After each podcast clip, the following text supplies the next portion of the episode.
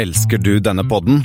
Gjennom Acasts nye supporterfunksjon kan du nå vise din støtte til podskaperne. Det er helt opp til deg hvor mye du ønsker å bidra med. Klikk på lenken i podbeskrivelsen for å støtte podkasten.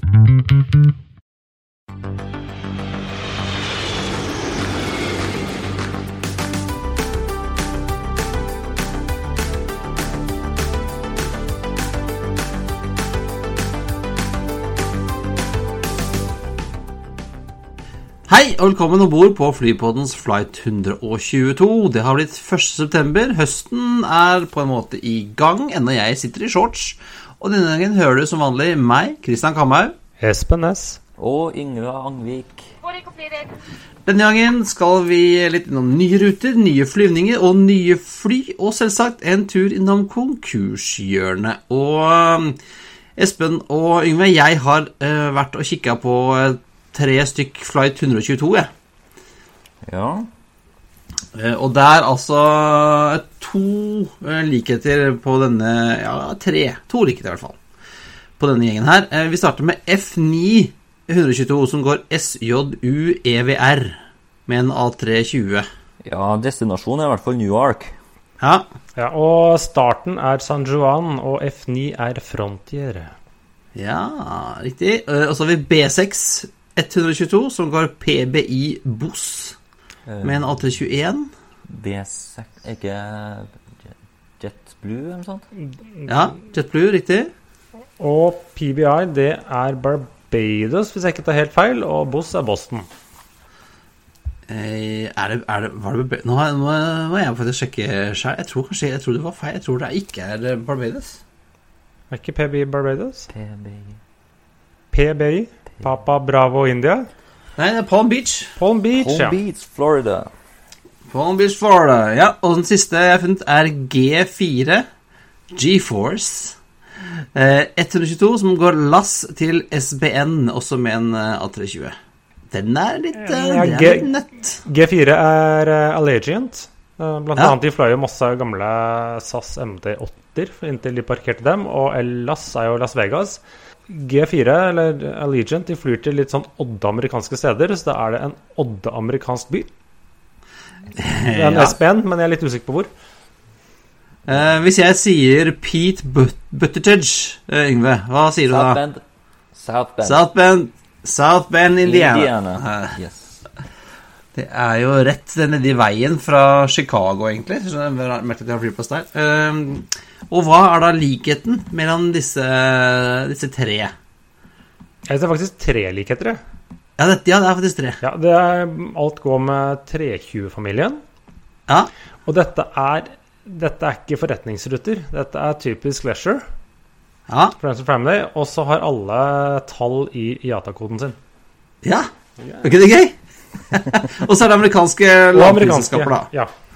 Ja, og eh, F9 eh, og B6 de går, mens eh, G4 den er satt skedulert til å fly 6.9., men har ikke gått på en stund. Så det er vel ikke helt sikkert at den går.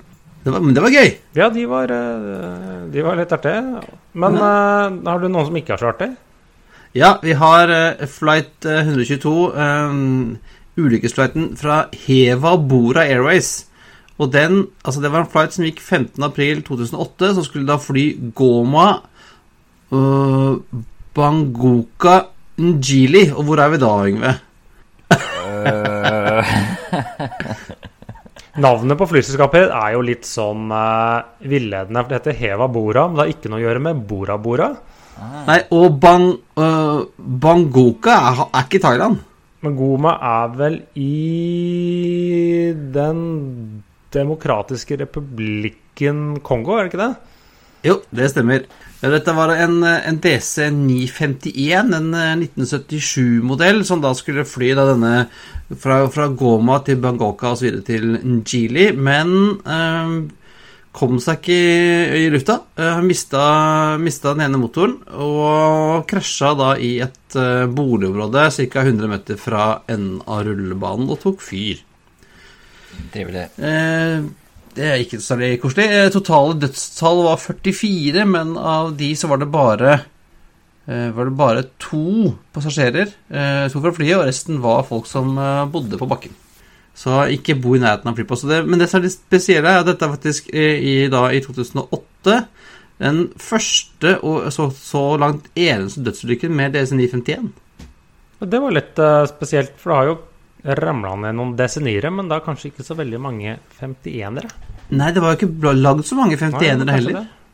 Var det en sånn bes bes spesialbestilling av et eller annet selskap, eller var det Ja, Swiss, Swisser hadde disse 51, og SAS hadde også et par stykker. SAS som hadde vel leide 41, hadde ikke det? Jo, men de hadde et par av disse her også leid inn fra, fra Swisser. Mm. Back in the day.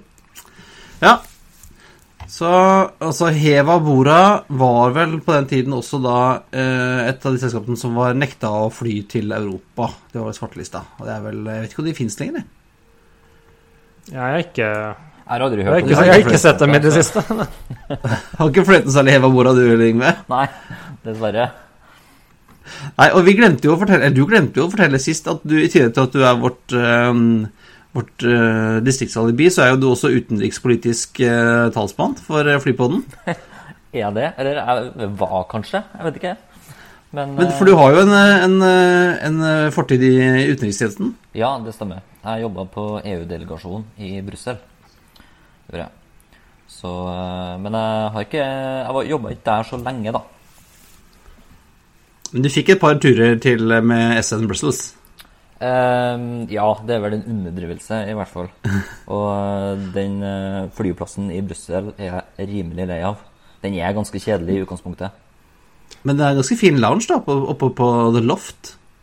Ja da, den er grei nok, men uh, jeg timer det aldri sånn at jeg sitter på loungen. Jeg timer det man- rett til å gå om bord på flyet. Og så kan man kjøpe Ah, sånne der, små sjokoladekuler i løsvekt, hvor man kan velge smaker. De er ganske dyre, men de er veldig gode.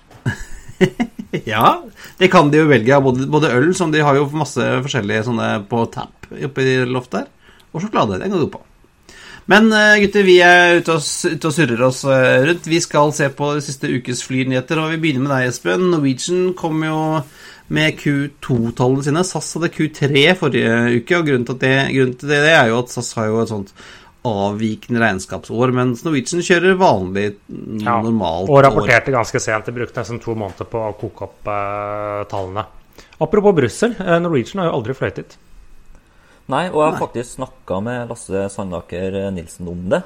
Og det er rett og slett at eh, etterspørselen er ikke stor nok eh, for eh, leisure eh, travel. Det er stort sett bare businessfolk, eh, eller politikere strengt tatt, som drar til Brussel. Så de har bare valgt bort det. Men de flyr til Amsterdam, da. Så det er jo ikke lange, lange togturen unna. Nei. Det er jo en, en, jeg vil si at det er en undervurdert Nå er vi ute på, på vinden igjen, men jeg syns det er en undervurdert turistby, egentlig. Det er en flott by. Ja, altså hvis du, hvis du er litt kjent i Brussel, så er det veldig mange hidden gems, som de sier. Men tilbake til eh, Q2-tallene, Espen. Vi sa jo at SAS sine Q3 var uh, skrekklesning. Og hva vil du kalle Norwegian sine Q2-tall? Akkurat det samme. Det var ikke pent. Nei, men det er Det, er litt sånn kjedelig. Men det som var da i, i andre kvartal, så var jo dette kvartalet hvor Norwegian stort sett opererte med en sånn sju-åtte fly norsk innenriks. De begynte vel å fly bitte grann mer i midten av juni, men dette er jo et slags et sånt minimums operasjonskvartal. Eh, Så det gjorde at omsetningen falt jo da fra litt over 12 milliarder til bare 600 millioner eh, kroner. Det er minus ja, er det 95 med litt hoderegning. Og resultatet før skatt da, eh, ble minus 1,5 milliarder. I og for seg kunne vært langt verre, men de tok jo ganske stort tap i første kvartal. Sånn at det er liksom ikke noe mer å si om det. De har tapt masse penger i løpet av kvartalet. Så eh, det som er nytt, er jo at de skal øke den aktive flåten fra 20 til 25 fly nå i september. Men hvor skal de fly når hele Europa er rødt? Skal de bare fly til Det blir vel litt Baltikum er vel gult? Ja, de, de kanskje bruke litt her. Og det er ikke en ting at det er rødt for Norge, men ikke at det er rødt for andre land. Eh, så kanskje litt fra Danmark og Sverige. Jeg vet ikke. Eh, og så endrer jo dette seg litt til og fra. Eh, men eh, det som liksom var kall det si, nytt Dette har jo sagt hele tiden, men liksom gjentatt, gjentok det igjen. Selv om ikke alle har fått det med seg at de trenger mer penger.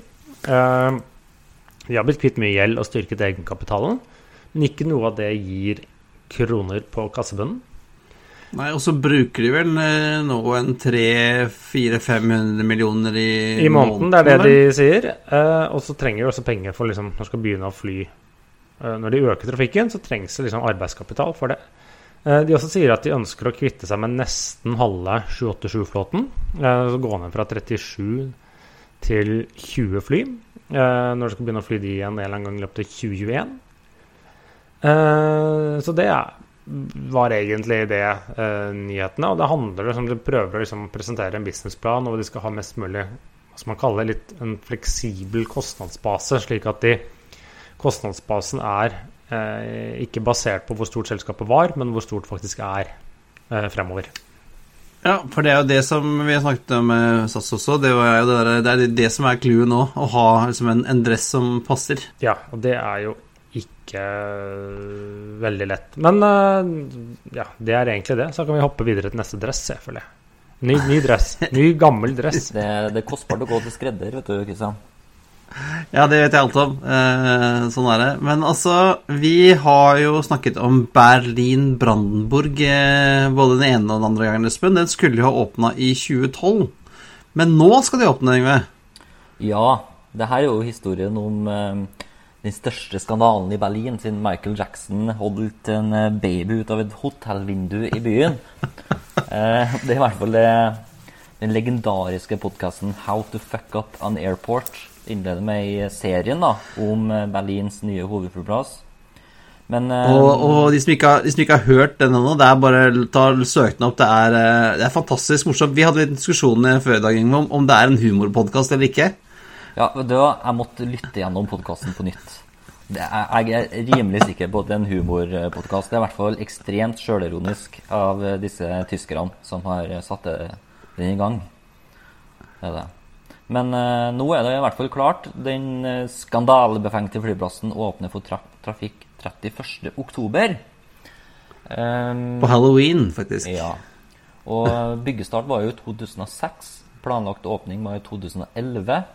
Så etter ni år med en halv million avdekka feil, en gedigen kostnadssprekk, korrupsjon og i alt ti utsettelser, så skal Brandenburg omsider være klar til å ta imot noen tusen passasjerer. For det er jo tross alt ikke så veldig mange som flyr om dagen. Jeg tror det har gått ned med 99% på flyplassene i Berlin eh, den siste tida.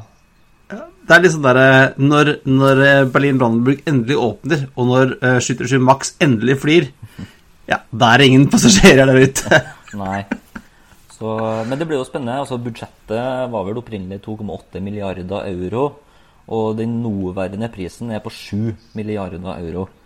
Så de har brukt eh, bra med penger. Um, også en annen nyhet er jo at eh, Schönefeld eh, blir fullt integrert del av Brandenburg. Og de gamle terminalene der uh, blir da terminal 5, mens den nye terminalen på Brandenburg blir terminal 1. For den er jo praksis for liten fra starten. Kanskje ikke akkurat liksom i koronatrafikknivå. Så man får jo beholdt disse gamle Schönfeld-skurene. Jeg fløy senest som fra dem nå burde jo brennes, spør du meg, altså. Ja, de skal renoveres, da. De starta renovasjon eh, for et par år siden, tror jeg. Eh, Men det, ja, altså det med kapasitet er jo litt interessant, fordi det det beregna kapasitet på den nye terminalen eh, var 27 millioner.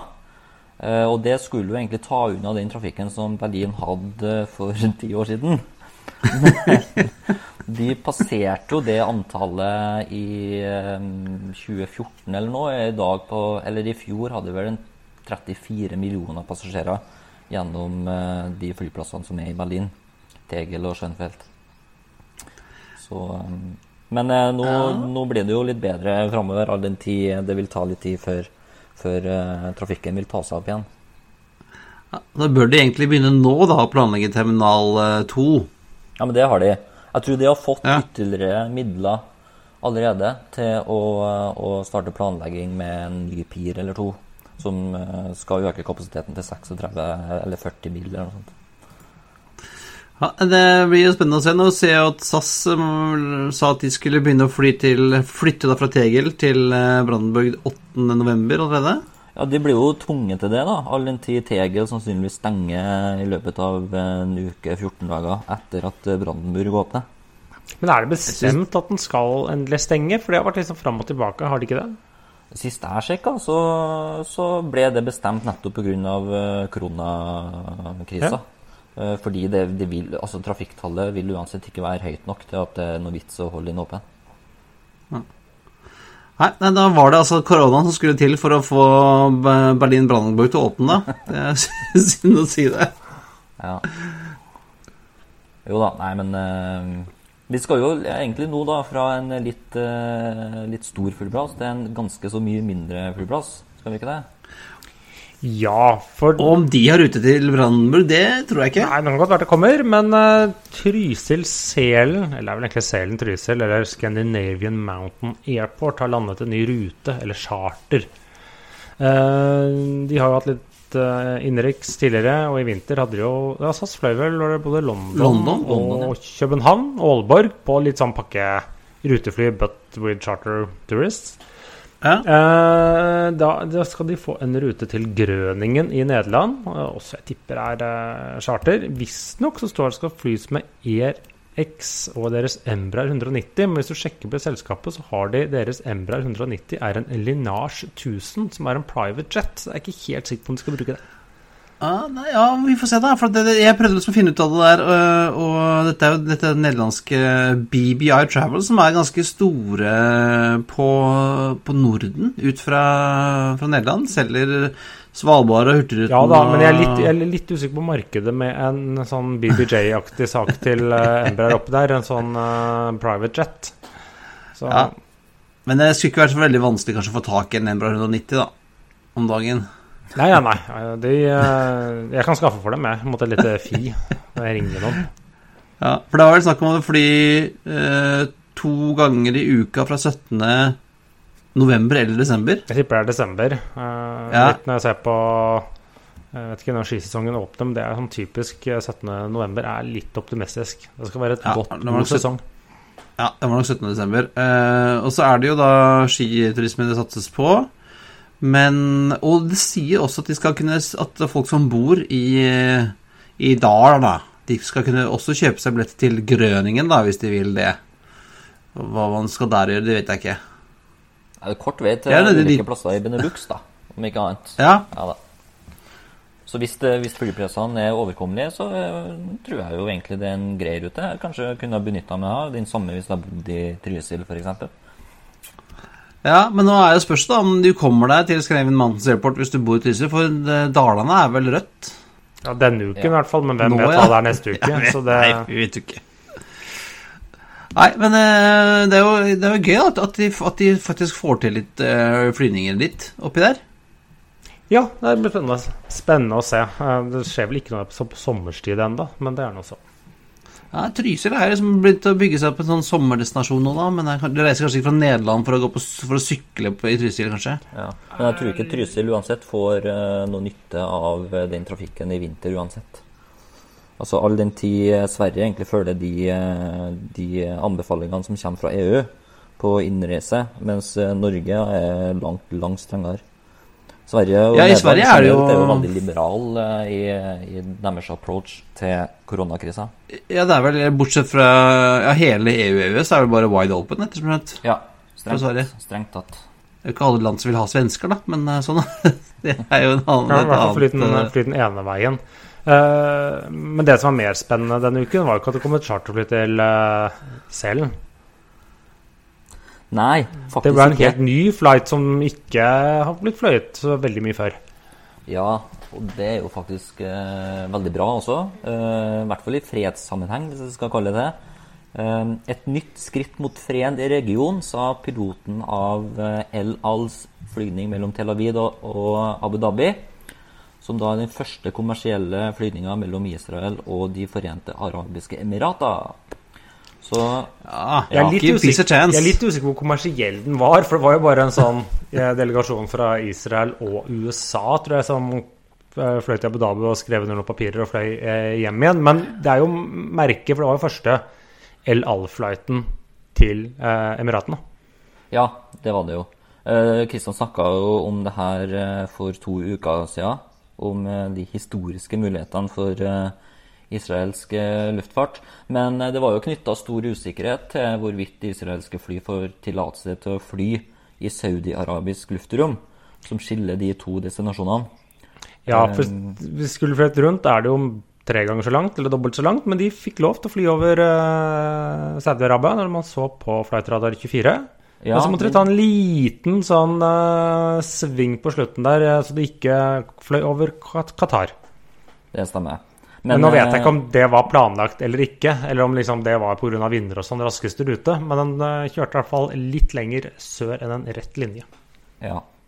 Men uh, turen ble jo uansett forkorta fra jeg tror det var åtte, fra åtte til tre og en halv time. Ved å fly over Saudi-Arabia istedenfor rundt hele den arabiske halvøya. Um, ja, men, eh, ja, men som du var inne på, så, eh, så var det jo noen kjente folk om bord på det flyet. Jared Kushner. Og, Var Jared med? Ja, Jared Oi, oi, oi, var og sikkerhetsrådgiver i Det hvite hus, Robert O'Brien.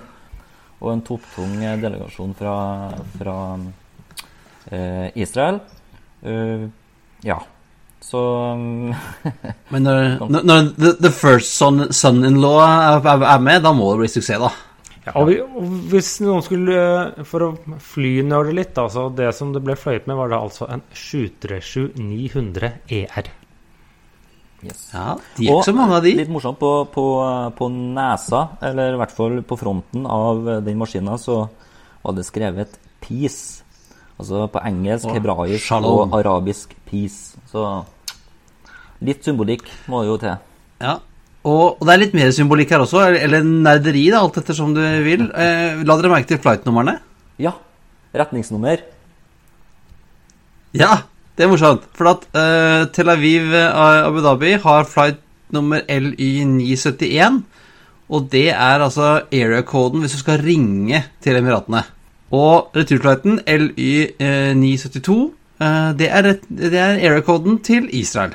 Jeg vet, jeg, og jeg vet ikke om det her var, om det her var tilfeldig, men det, det er neppe det. Ja, hvem vet? Det var i hvert fall en uh, artig uh, Ja. Artig sak. Så får vi se, da, om vi, om vi ser mer av denne Mer, mer El-Al i eh, Abu Dhabi. Men det vi kommer til å se mer av, Espen, er vel eh, jomfruer i Pakistan. Ja, for Virgin Atlantic eh, Er det lov å si, Kristian, forresten? Ja, det, at det, Virgin er jo jomfru, det heter jo det. Ja, for all del. Ja, Men de, Altså, de, det er ikke tolv vi må jo snakke litt norsk her også. Foreløpig bare tre jomfruer, for å si det sånn. Og ikke, ikke 49, eller hva det er for noe. Der, men de satser da på å ta en del av markedet mellom eh, Storbritannia og Pakistan, som er jo ikke et ubetydelig, i når det kommer til volum.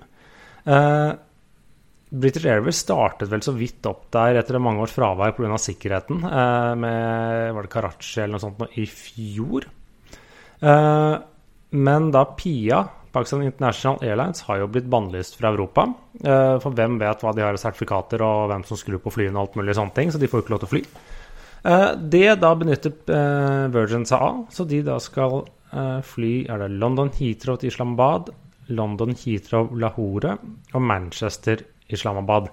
Sånn tre til fire ganger ukelig på alt. Men jeg føler det er litt sånn Normalt ville de ikke starte disse rutene, tror jeg. Men når både da Pia inntil videre er eh, borte, og de sitter med fly og slott som de må bruke til noe, og da fant vi ut at dette genererer da forhåpentlig nok mer cash inn enn det går ut, så vi får prøve. Ja. ja, men det er jo det liksom man, man, Vi ser jo det nå i denne situasjonen som vi har, at uh, det dukker opp muligheter som folk bare hopper på, hopper på som de kanskje ellers ikke ville ha gjort. da. Det er, og det, som sier, det er jo et stort marked, i hvert fall sånn volummessig, om ikke det er verdens beste yield mellom eh, UK og, og Pakistan, så er det jo mange mennesker som skal fram og tilbake. Ja, det, er jo- Ja. altså UK har jo veldig mange arbeidsinnvandrere fra disse landene, både India og Pakistan. Så det er jo kanskje et eh, trafikkunderlag eh, bare på det. Ja, ja og Air India flyr jo ikke så mye heller eh, om dagen, så da Ja, de flyr nye. De, dette er jo rene pakistanske markedet, for de har da tidligere enten måttet fløye Pia. Eh, eller så har det vel også vært sånn som Emirates og disse arabiske selskapene har hatt en del av den trafikken via Dubai. Ja. Dubai og Abu Dhabi, Qatar. Ja, eh, Og Pia flyr vel, flyr heller ikke på Oslo om dagen. De er vel de band fra får ikke lov til å fly til EU i det hele tatt nå, etter den lille skandalen de hadde her om dagen. Kanskje det er det Norwegian skal gjøre med Dreamlinerne sine? Fly til, fly til Pakistan? Ja. Ja, for, for å selge dem er ikke så lett, tror jeg. Nei, de prøver vel det. Men er det er noen andre som skal prøve å selge fly? Ja! Eh, Det er altså et nytt, et ny, en ny flyfabrikk, eller hva vi kaller det, eh, som jeg aldri har hørt om før, som heter Otto Aviation. Eh, og det er, De har da lansert noe som de kaller for et, et supereffektivt uh, fly. Uh, er Otto Aviation Celera 500L. Som, jeg vet ikke om dere har sett bilde av men den er veldig veldig rar. Ja, det minner om denne. Er det Sirius? Det spesielle flyet heter. De har propell bak, Ja. propell i rumpa.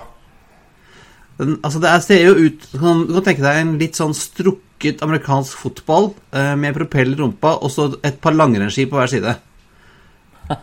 Det, Herregud, så stygt. det er kjemperart. Eh, men altså dette, dette er da et prosjekt som har vært, eh, vært så veldig hemmelig ganske lenge, men de har jo nå fått eh, holde på med sertifisering og sånn. Laget av en fyr som heter William Otto, en smarting. Som Han har tidligere jobbet på Los Alamos Labs i Det er vel i New Mexico, hvor de har drevet og forsket på atomvåpen. Eh, og han har da jobbet med taktiske atomvåpen og torpedoer, laget styringssystemet til Minuteman-raketten og vært chief scientist på B1-programmet. Så han kan litt eh, om ting som beveger seg i lufta, og Celera er vel eh, latin for fart, hvis ikke jeg husker hvis ikke jeg har feil. Eh, og denne, dette, denne greia, da, dette flyet som, som er veldig merkelig, det ehm, det utnytter noe som heter laminar flow, eller, eller eh, har jeg funnet ut, eh, laminære strømmer. Eh, og, og, og, nå må dere liksom spise ører, for nå skal økonomen prøve å forklare ingeniørting. Jeg har sjekka dette med en av ingeniørene på jobben, og han sier at jeg har forstått det sånn mer eller mindre. Eh, og det går jo sånn ut på at du lager en form da, som minsker luftmotstanden, eh, og sørger for at luftstrømmene går i helt parallelle strømmer rundt flykroppen, og ikke lager turbulens.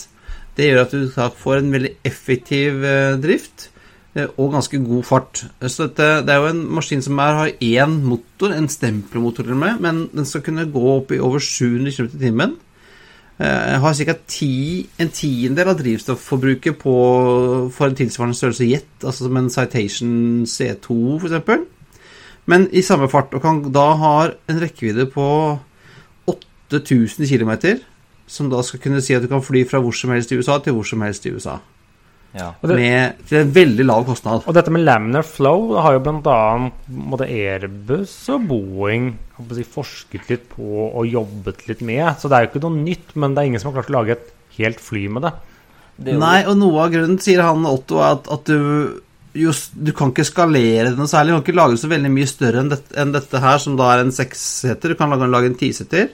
Eh, men lager du det større, så mister du disse, den effekten da av laminar flow, visstnok. Ja, for det Airbus gjorde, de hadde en sånn test med en 340, hvor de for et par år siden kappa ytterste delen av vingen og satte på en sånn laminar flow-vinge for å forske på det. Og så vet jeg Boeing har gjort noe med halen på 787 i starten, hvor de liksom forsøkte å få til dette før de fant ut at de tror det ble for dyrt. Ja, Prinsippet er jo egentlig mye av det samme som et glidefly. Altså et seilfly.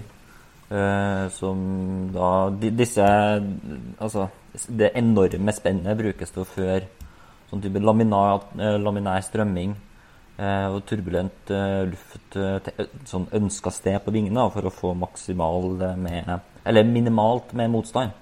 Det er vel det som er prinsippet. Ja, og, og denne Celeraen da skal vel ha ni- 59 mindre luftmotstand enn tilsvarende andre fly. Da, så det er eh, vel, Men uh, så, så, så, at det, første gang jeg så den, der, så tenkte jeg kan denne greia her fly, egentlig? Den ser jo ut liksom, litt sånn humleaktig også. Men ja. Det er stutt- med små vinger. Burde ikke kunne fly. Det er, Det et, det, er et seilfly som har eh, spist jækla mye ribbe. ja, og så har den veldig korte bein. Ja, det er veldig Men, men eh, den flyr. Eh, Jeg har sett videoen også. Vi kan legge selvfølgelig ut video. Ja. Men det er veldig, veldig rare greier. Men dette er jo et nytt fly.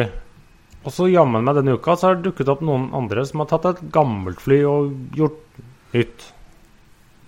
Ja, for vi har jo snakket om eh, Tidligere så har jo noen av disse Magni X i Canada De har satt en elektrisk motor på en Cessna Caravan og fløyet rundt med den i et par minutter, i hvert fall.